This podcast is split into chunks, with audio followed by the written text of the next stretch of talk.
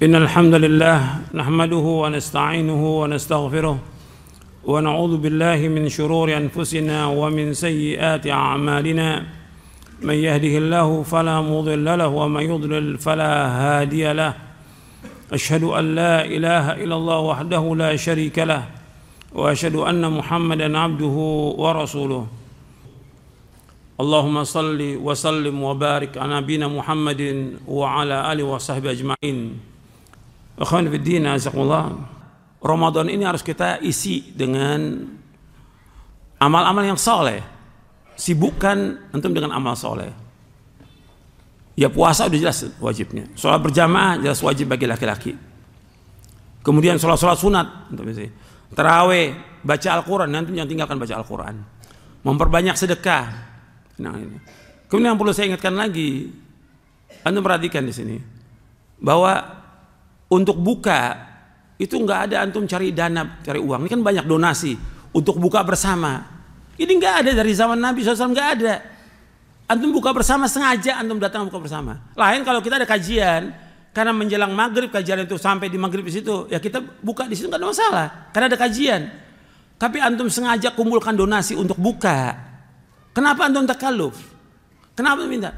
Orang ini cukup buka di rumahnya dengan satu butir kurma dengan air cukup. Kenapa antum takaluf dengan minta-minta kepada manusia? Ini kan takaluf, memberatkan diri. Minta-minta itu saja menurut syariat sudah apa? Gak boleh. Minta-minta termasuk akhlak yang buruk. Tuh. Minta-minta termasuk akhlak yang buruk dalam Islam. Jadi kenapa antum jadi ribut sekarang dengan donasi? Antum yang penting ngurusin ya ayyuhalladzina amanu qu anfusakum wa ahlikum nara. Wahai yang menjaga diri kamu dan keluarga kamu dari neraka. Orang yang paling nikmat buka puasa, antum buka puasa dengan istri antum. Dengan itu paling nikmat sudah dengan keluarga. Meskipun cuma punya sebutir kurma, satu-satu kita dapat. Nikmat. Kenapa harus di masjid bersama kaum muslimin? Kalau seandainya itu baik, laukana khairan la sabakuna. Kalau seandainya buka bersama di masjid, yang terbaik masjid yang mana? Nabawi. Nabi nggak pernah ngadakan. Ayo para sahabat buka bersama di sini. Donasi, donasi. Nggak ada mana ada. Ini kan sibuk nih mau Ramadan. Tuh ada itikaf. Itikaf hukumnya apa? Sunnah. Donasi lagi itikaf. Antum memberatkan diri. Antum nggak perlu itikaf kalau memang antum keluarga antum masih mengalami kesulitan dalam masalah makan dan minum. Kan antum wajib cari apa? Nafkah. Wajib. Dia kan ada orang-orang yang dia nafkahnya minta-minta dari orang. Ada itikaf. Nah, mulai itikaf dia. Dia itikaf. Kenapa? Di rumah juga pusing diomelin sama istri dia. Jadi udah nggak benar ya itikafnya. Karena istrinya minta ini, minta ini. Antum nggak bisa, antum penuhi dulu kebutuhan istri dan anak. Karena ini bulan Ramadan, memang kita mau lebaran tetap. Tapi kan ulama salaf nggak ada tuh siap-siap buat lebaran nggak ada, mana ada. Gitu. Kita disibukkan sibuk dengan apa? Ibadah. Justru 10 hari terakhir kesempatan kita untuk apa? Berlomba-lomba dalam ibadah. Tapi antum maksakan etikaf. Etikaf ini hukumnya sunnah. Hukumnya sunnah. Lah antum asan di rumah dengan istri antum. Didik istri antum, baca Qur'annya bagaimana, anak antum bagaimana baca Qur'annya. Sekarang antum etikaf. Istri antum antum gak ajarkan agama yang benar. Bahkan kadang-kadang gak baca Qur'an. Anak gak baca Qur'an. Sibuk main apa sekarang ini? HP. Tanggung jawab dari kiamat. Ingatkan terus tuh anak antum. HP, HP ingatkan terus. Sekarang habis waktu. Enggak orang awamnya, enggak pelajarnya, enggak ustadznya habis sudah. Main HP. Berjam-jam. Antum lebih bagus baca Quran daripada main HP. Kadang-kadang berjam-jam itu hilang. Quran tiga jam bisa dapat empat juz antum. Atau tiga juz, tiga jam. Habis tuh HP lagi sibuk. Antum baca Quran tiap hari di rumah, tiap hari untuk Ramadan. Kalau bisa kita hatamkan empat kali atau lima kali. Berarti sehari itu empat juz, lima juz. Sehingga apa? Sehingga kita bisa atau paling nggak empat kali. Berarti setiap pekan hatam, setiap pekan hatam. Untuk Ramadan, ini bicara untuk Ramadan ini. Sibukkan dengan ibadah kepada Allah.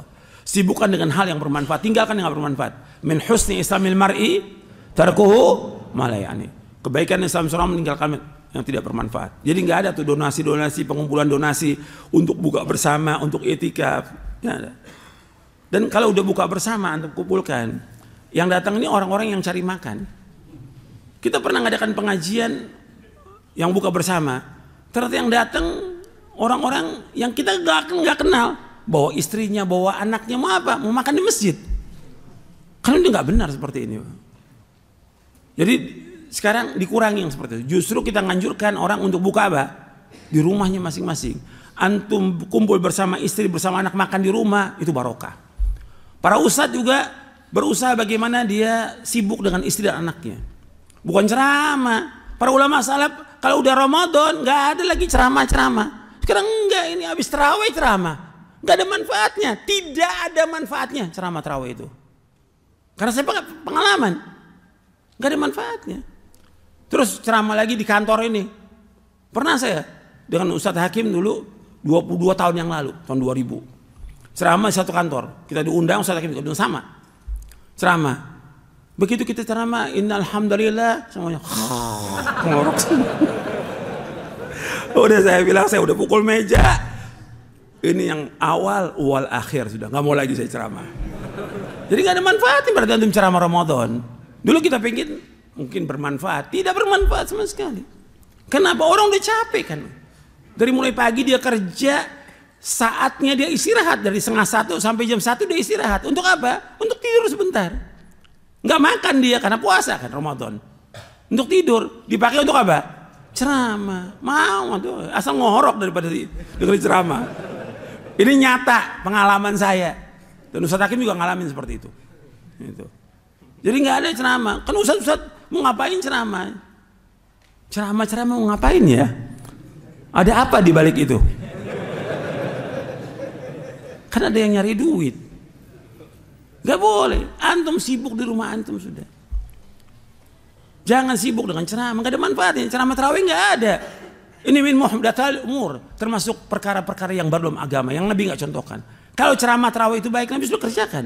Kalau ceramah terawih itu baik, sahabat sudah kerjakan. Gak ada ceramah terawih, gak ada dalam Islam, gak ada sama sekali. Yang ada ketika terawih, ya terawih, sholat. Bagaimana kita khusyuk dalam sholat. Dan juga saya ingatkan juga kepada imam-imam, antum jangan mau diambil foto itu di shoot ketika sholat. Ria nanti.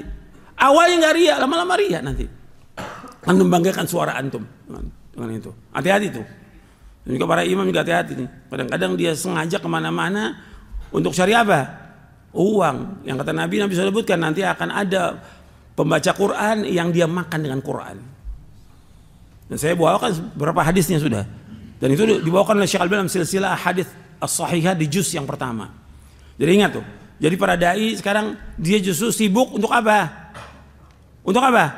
Untuk ngisi keluarganya.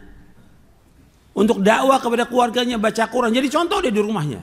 Gitu bukan sibuk ke mana-mana ceramah. Bahkan ada yang kalau keluar kota, saya dari dulu nggak mau keluar kota kalau Ramadan tidak, untuk di rumah. Kecuali umroh, Ramadan nggak apa-apa. Tapi kalau untuk ceramah nggak ada manfaatnya sama sekali. Kemudian juga antum perhatikan lagi, sekarang waktunya antum untuk introspeksi diri. Kan kita nih hidup semuanya banyak kekurangan, banyak dosa, banyak maksiat. Kesempatan Ramadan apa? Kita untuk apa? Muhasabah diri kita bahwa kita banyak dosa, banyak maksiat, banyak kekurangan. Sibukkan dengan apa? Dengan minta ampun kepada Allah. Perbaiki diri kita. Kemudian sudah Ramadan kita lebih baik diri kita ini. Jangan sibuk dengan yang lain, jangan. Sibuk dengan diri kita. Karena Allah sudah sebutkan ya ayyuhalladzina amanu qu anfusakum wa Allah juga sebutkan itu dalam surah At-Tahrim. Allah sebutkan dalam surah Al-Maidah ya ayyuhalladzina amanu alaikum anfusakum la yadurrukum man dhalla idza tadaitum. Wahai orang iman, kamu sibukkan diri kamu sendiri. Kamu urus diri kamu sendiri. Tidak membahayakan kamu orang yang sesat apabila kamu dapat petunjuk. Coba kita introspeksi. Kan jarang kita introspeksi diri muhasabah, kita banyak dosa, ingat merenung dosa-dosa kita yang sekian banyak. Yang laki, yang perempuan, suami, istri, anak. Minta ampun kepada Allah semua dosanya. Supaya keluar Ramadan, kita diampuni dosa kita oleh Allah SWT. Saya pikir itu yang bisa saya sampaikan. Mudah-mudahan bermanfaat. Kurang lebihnya saya mohon maaf. Wassalamualaikum Muhammadin sallallahu subhanallahi bihamdik asyhadu an la ilaha illa anta astaghfiruka wa atubu ilaik. Assalamualaikum warahmatullahi wabarakatuh.